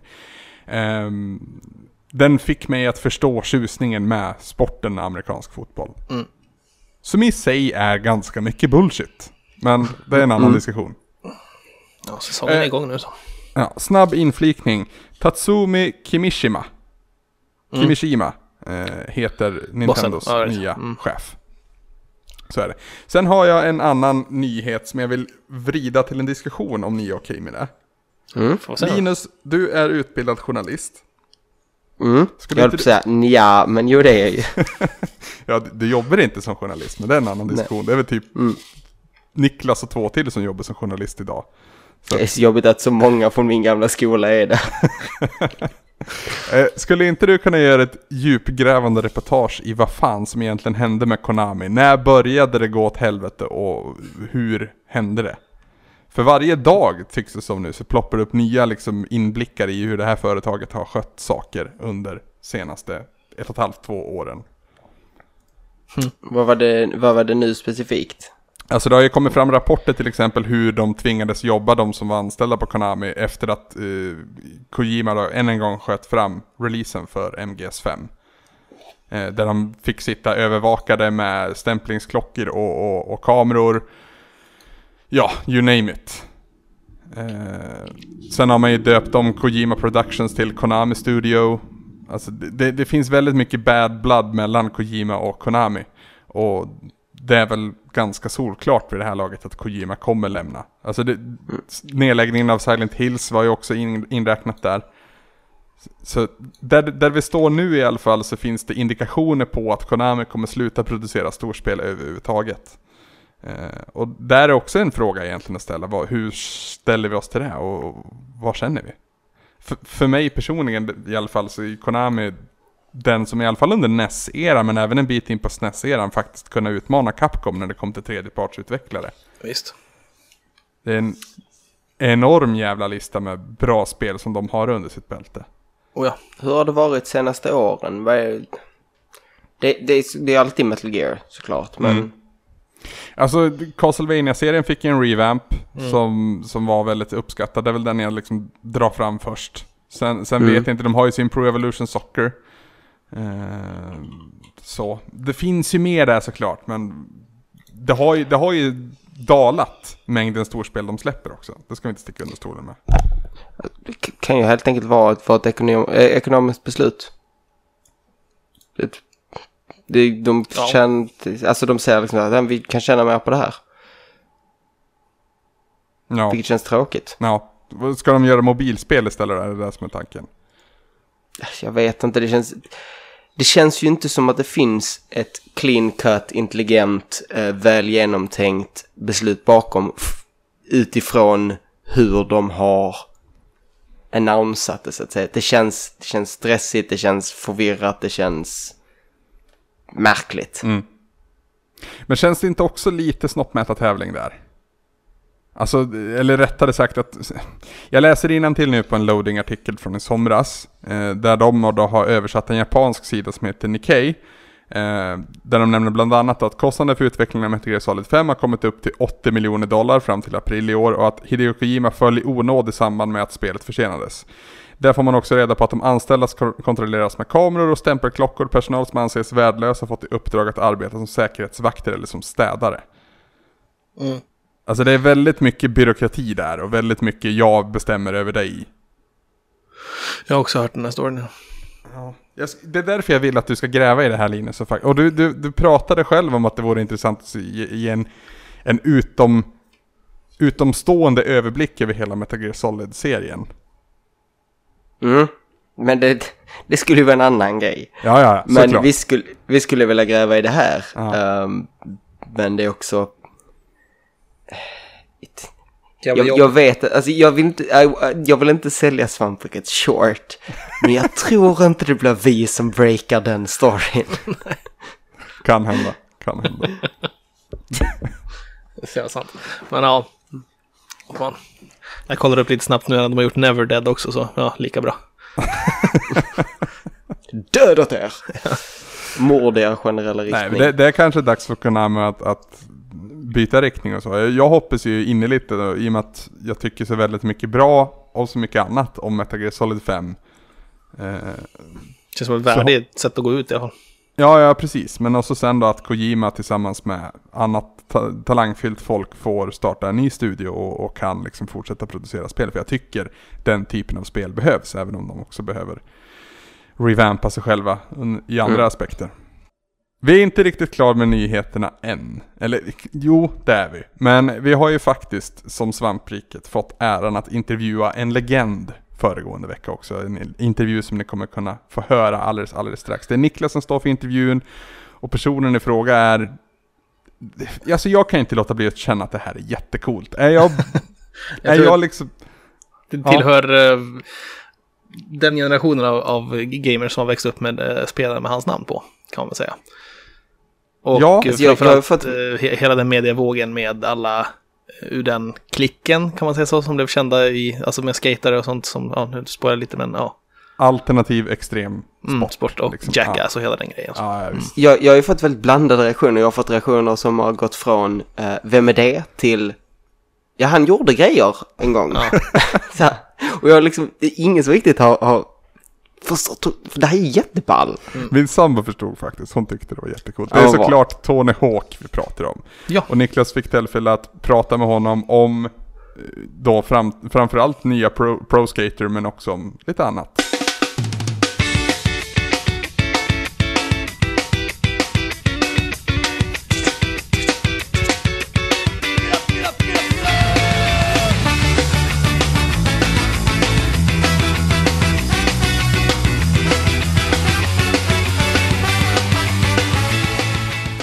Right, I've got Mr.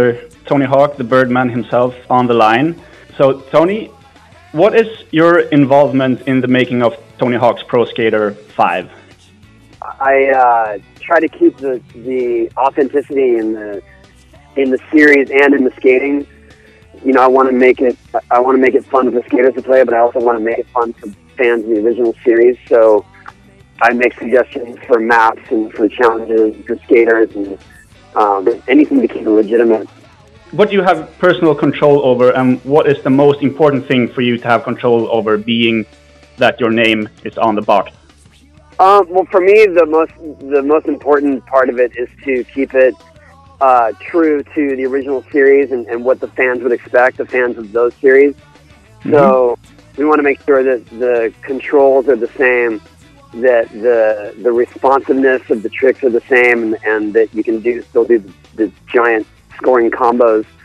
But beyond that, we're really excited to, to explore the online elements that we never got to do previously because the technology hadn't caught up to that yet. It's been 16 years since the first Tony Hawk's Pro Skater. Are there any other things that you and the developers couldn't do back way back when that you can do right now because of new hardware and new possibilities? Um, yeah, mostly mostly the online elements. Uh, you know, the idea that you can create your own park and share it with a community and invite 20 people to, to skate it from all over the world. That's something that just we we imagined, but we didn't. We never got there because the you know the online the online technology wasn't there and uh, the community wasn't there. But now it is. So I'm I'm thankful for that.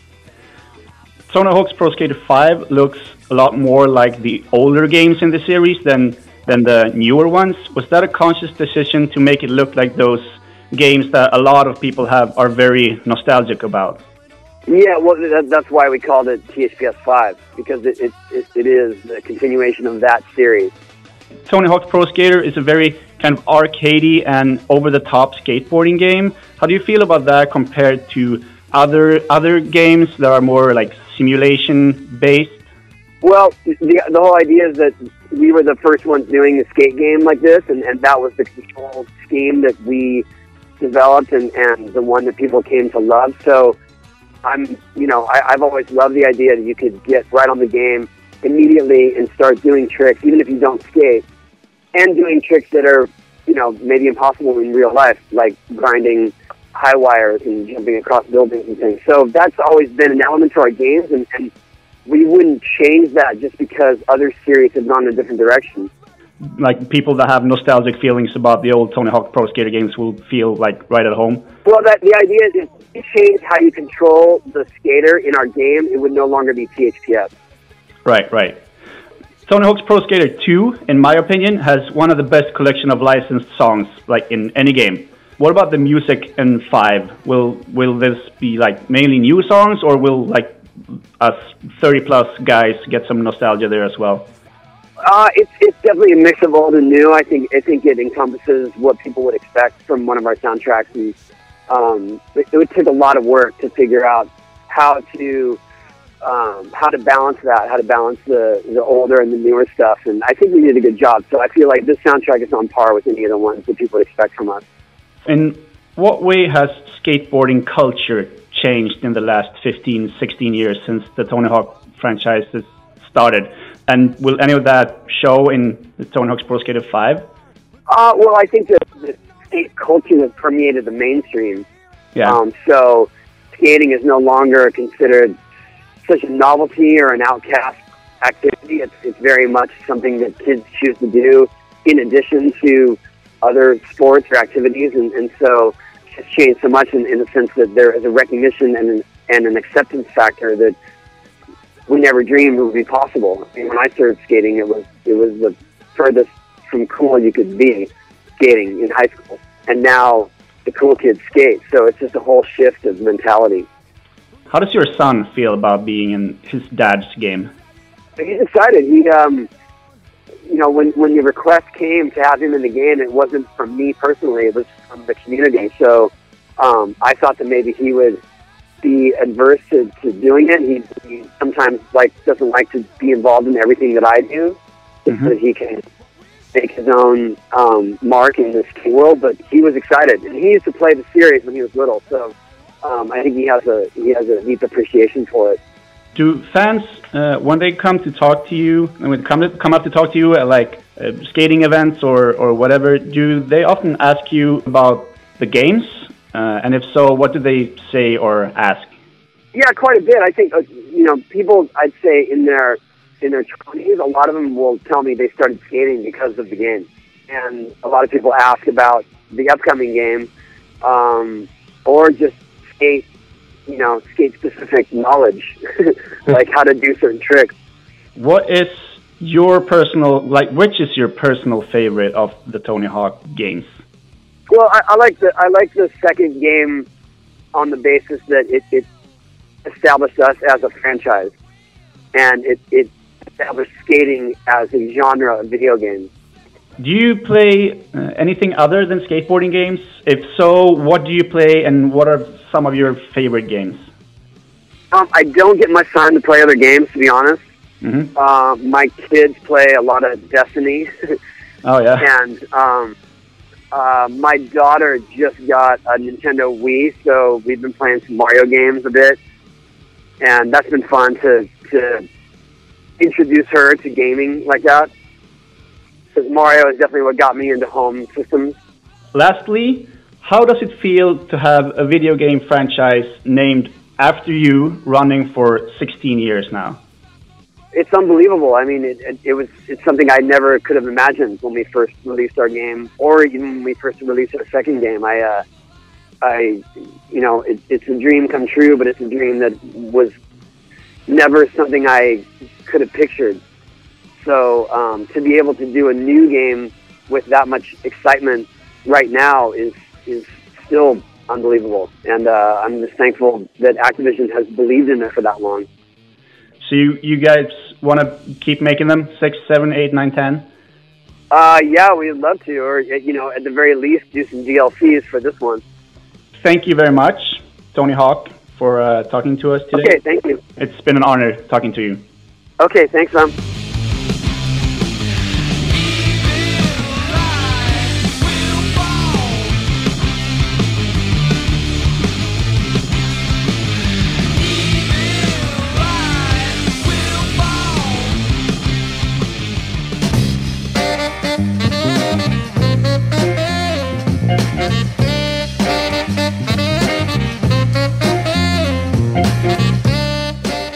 Vi hade ju som sagt inga lyssnarbrev förra veckan.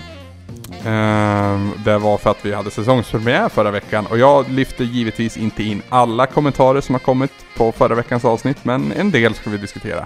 Framförallt så verkar folk vara ganska nöjda med att vi är tillbaka, vilket vi tycker är skönt, för vi tycker också det är väldigt roligt att vi är tillbaka. Eh, många har gett Anna eh, väldigt mycket positiv feedback för sin bild och där kan jag bara skriva under på varenda litet ord. Hon är fantastisk. Japp. Sen så uppstod en, en rolig grej bland kommentarerna, för Ruben kommenterade och han skrev att han inte hade någon aning om att man kunde skita med hästen i Metal Gear Solid 5 60 timmar in. och det i sig är ju kul för att det är en sån här dum grej. Men sen kommer Ruben 2, och också känd som There Can Only Be One. Det är alltså en annan person, fast i det här fallet så är det den, den Ruben vi känner igen som Ruben Sandell. Så någon har gått in och snott hans nick på svampriket, det är där vi landar i. Eh, och han frågar sig om det här är nya trenden i världen, att gameplay-tunga AAA-sandlådor har en minimal fokus på story. Jag vet inte vilket mer spel som går in under där. Men jag, Ja. det känns ändå bekant. Bara minimal eh, story. Ja, Jag, vet, inte, jag tycker det är ganska mycket, mycket story i Metal Gear. Och så är det väl i alla, det handlar väl om att det finns mycket mer att göra än storyn. Kör man bara storyn så är det ändå väldigt tungt. Alltså det, framförallt så känns det väl, inte storyfattigt, men jag menar jämför med tidigare spel, jämför med fyran som var en enda lång mellansekvens och Mm. som tryckte på en knapp ibland. Jag menar, Inte riktigt, men lite det, så. det finns där i, i, i, i den, kanske inte exakt samma mängd, men alltså det är klart det finns ju mycket story, men sen så spenderar man ju mycket mer tid med att bara hatta runt i open world. Och det är väl illusionen av att det inte är så mycket story. Snarare än att den inte finns alls. det är sant. Det är sant. Ja. Eh, Kajsen skriver följande. Jag är en av många som kommer att strunta i Metal Gear Solid. Det känns trist och det verkar vara intressant från flera perspektiv, men jag orkar inte. Jag tänker inte ta skiten. Som kvinna är det svårt för mig att ignorera så tydlig sexism och kvinnoobjektering i spel. Vet att jag är bara en av många som struntar i att spela. Ingen insatt är i och för sig förvånad över att detta spel är så här. Det gör det dock inte mer okej. Nej. Och jag, jag kan bara säga, good on you. Ja. Alltså jag, du också Peter och även Linus som har backseatat, att vi sitter i en privilegierad position att vi kan liksom ignorera det här. Och jag fattar verkligen att det här skulle reta ögonen ur mig om det berörde mig mer direkt. Och liksom det, det, Alltså det är verkligen bland, bland de värsta exemplen i ett spel någonsin, helt ärligt. Det som, det som gör det så jävligt, är- jag upplever det ju som att, eh, att det görs som att, att, det, att det där existerar i en bubbla i spelet på något sätt. Att det bara, att det är där för sakens skull och för att ge Som ett eh, statement. ett statement, men sen så också kanske ett PR-trick, men också framförallt just då att ge, ge en känga till spelfeminister. Och, och så vidare. Att, och sen att, att det i sig bara finns där. Det är liksom som den liknelsen jag drog i One Shot idag. Det var typ baka världens godaste tårta. Alltså typ den är så god du kan inte tänka dig på det. Men så är det så ett marsipanporträtt av Hitler på den. Och, och, och lite nazistvimplar. Så bara varför gör du det här? Ja, objektivt sett så skär man upp den och äter den så smakar den himmelskt. Men eh, det, är som, det, det på något sätt står utanför nästan på något sätt. Men det är också ett, ett eh, jag är möjliggjord att säga det för att jag sitter privilegierad och kan, kan eh, liksom eh, främja mig från det på ett annat sätt. Eftersom Ja. det finns flera lager, flera, flera filter för mig att eh, se igenom. Visst. Så, ja. Ja. Nej, jag, jag respekterar alla som, som känner att fuck this game. Jag tänker inte försöka överta- övertala dem, för det, det finns där och det finns där i allra högsta grad. Och det är såklart synd för spelet som är bra på andra aspekter, men han måste också kunna stå för det. Och liksom, ja, Sen, ja, det är svårt att se hur det skulle påverka försäljningen jättemycket. Men nej tyvärr. Det är det inte. ju mer vi pratar om det, desto större chans att någon kanske lyssnar någon gång i alla fall. Jag är glad att jag fick det eh, eftersom jag recenserade det. Och får uppleva det som ett jä- jävligt bra spel. Men jag vet inte om jag hade köpt det. för, för den där skiten liksom. Nej. Nej, det är samma här faktiskt. Mm. Samma här. Bollybo skriver följande. Han tycker att intromusiken är sämre men vad kan samtidigt slå Heading South? South? Heading South. South. Mm. Ja. Ehm, och det är väl bara att skriva under på det. Alltså, vi hade en jättetur förra säsongen för att vi fick låna all den musiken som vi fick låna. Det var ju väldigt uh, bjussigt utav, utav honom att uh, låna ut det där. Fan, jag hoppades att du kommer ihåg vad han hette, så jag gjorde inte det. Det, skit. Jag försökte slingra mig där, men det gick ju inte heller. det gick sådär. Knappa lite. Vad händer nu? Jag skriver upp den. ändå Mitch Murder. Mitch Murder. Ja, vänta, vänta, vänta. Vi är på 1.40. Yes, Mitch Murder heter han. just det. Mm. Just det. Eh, och d- jag personligen gillar ju den musiken mer, men så som vi har gjort under alla säsonger, eller framförallt under säsong 3 och 4, det är att Anna får göra bilden utifrån vad hon tycker är ball, och sen får vi försöka hitta en, en ljudbild som passar in, Mm. så att säga. Idén här är ju en slags uh, mera Barbarella än Flash Gordon tror jag. Men sen också allmänt uh, rymdfantasy så. Mm, eh, mm. Som är taget från flera. Det finns lite influenser i, från både He-Man och Thundercats i den här bilden också som man har gjort. Absolut, absolut. Och musiken är ju tagen från internets alla hörn och kommer Precis. förbli en hemlighet vart vi har hittat detta. Eh, Bollybo frågar också efter intryck eh, från Fifa 16 från mig. Eh, och om det kommer en recension i nästa svamppodd. Som du vet, vid det här laget Bollybo så nej, det kommer inte. Och det är faktiskt Ludde som kommer recensera Fifa och prata om det i nästa svamppodd. Så som det ser ut i alla fall. Eh, Bollybo till sist efterfrågar också officiella svampriket-banor i Mario Maker. Vilket jag tycker är en självklarhet. Och jag ska sätta Tommy på och jobba på det på en gång. Mm. Eh, sen vore det roligt om, om communityt som vi har på svampriket också gjorde banor att vi kunde styra upp någonting via forumet eller liknande. Gör det, vore- starta en forumtråd och dela era grejer där. det vore asgrymt. Niklas skriver fortfarande. Niklas skriver fortfarande, herregud. Niklas skriver. Just nu lyssnar jag igenom Mass Effect spoilercasten och jag undrar om ni har några planer för fler spoilercasts under denna säsong?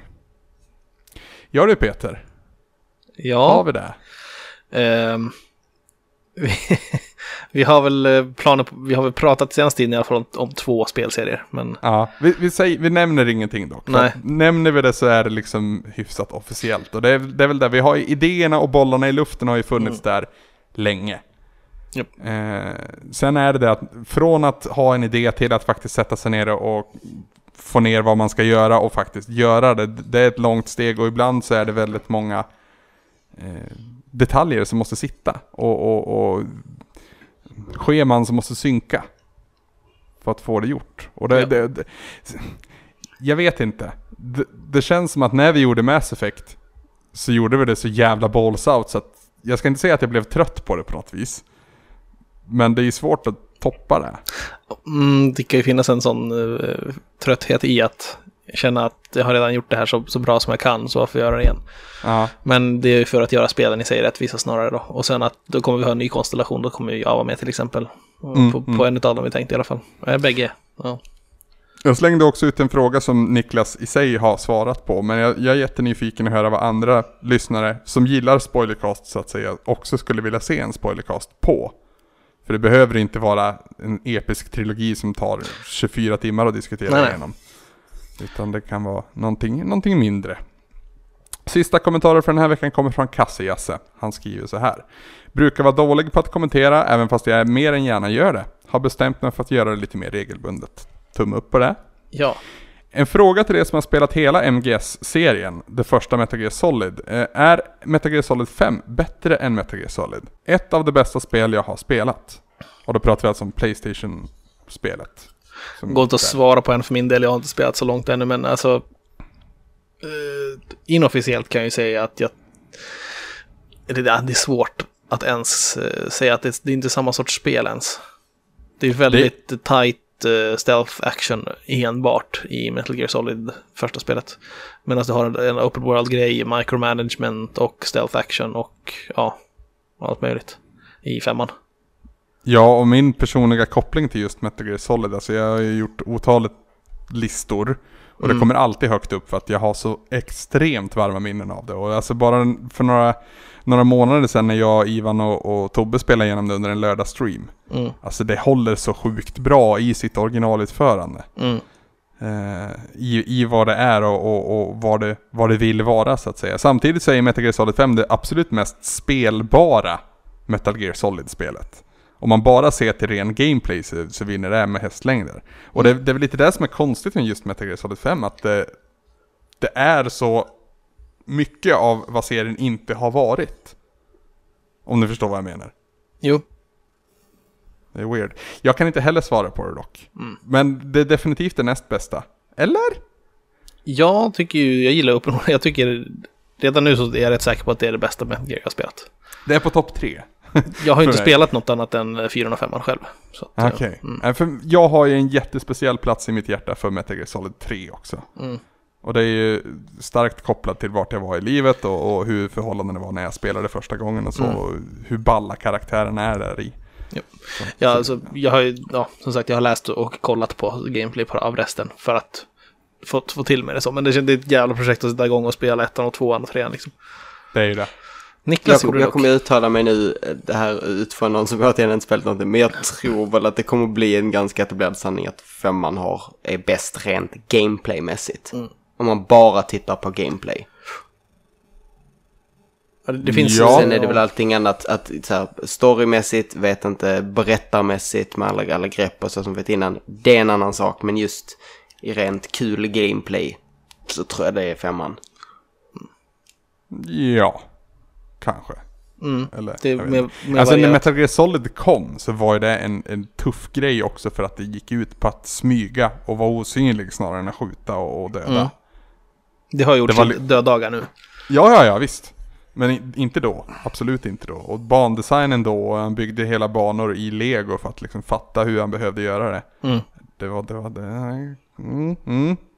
Skitjävla samma. Vi ska gå vidare och vi ska lämna och stänga ner för veckan. Innan vi gör det så måste jag pusha för spelhjälpen, såklart. Mm. Eh, ni hörde en liten blänkare förra veckan, ni kommer få höra blänkare hela vägen upp till den 10 oktober då vi sätter igång. Spelhjälpen är alltså ett event skapat av ett gäng olika spelentusiaster från Göteborg och ja, Boråsregionen, då, väst, västkustregionen. Eh, det är ett event på, där vi under minst 24 timmar kommer livestreama eh, olika typer av spel och happenings för att samla in pengar till välgörande ändamål. I det här fallet så går det då, alla typer av intäkter går till eh, Läkare Utan Gränsers arbete i ytterkanterna av Europa och den flyktingkris som pågår utifrån kriget i Syrien då framförallt. Yes.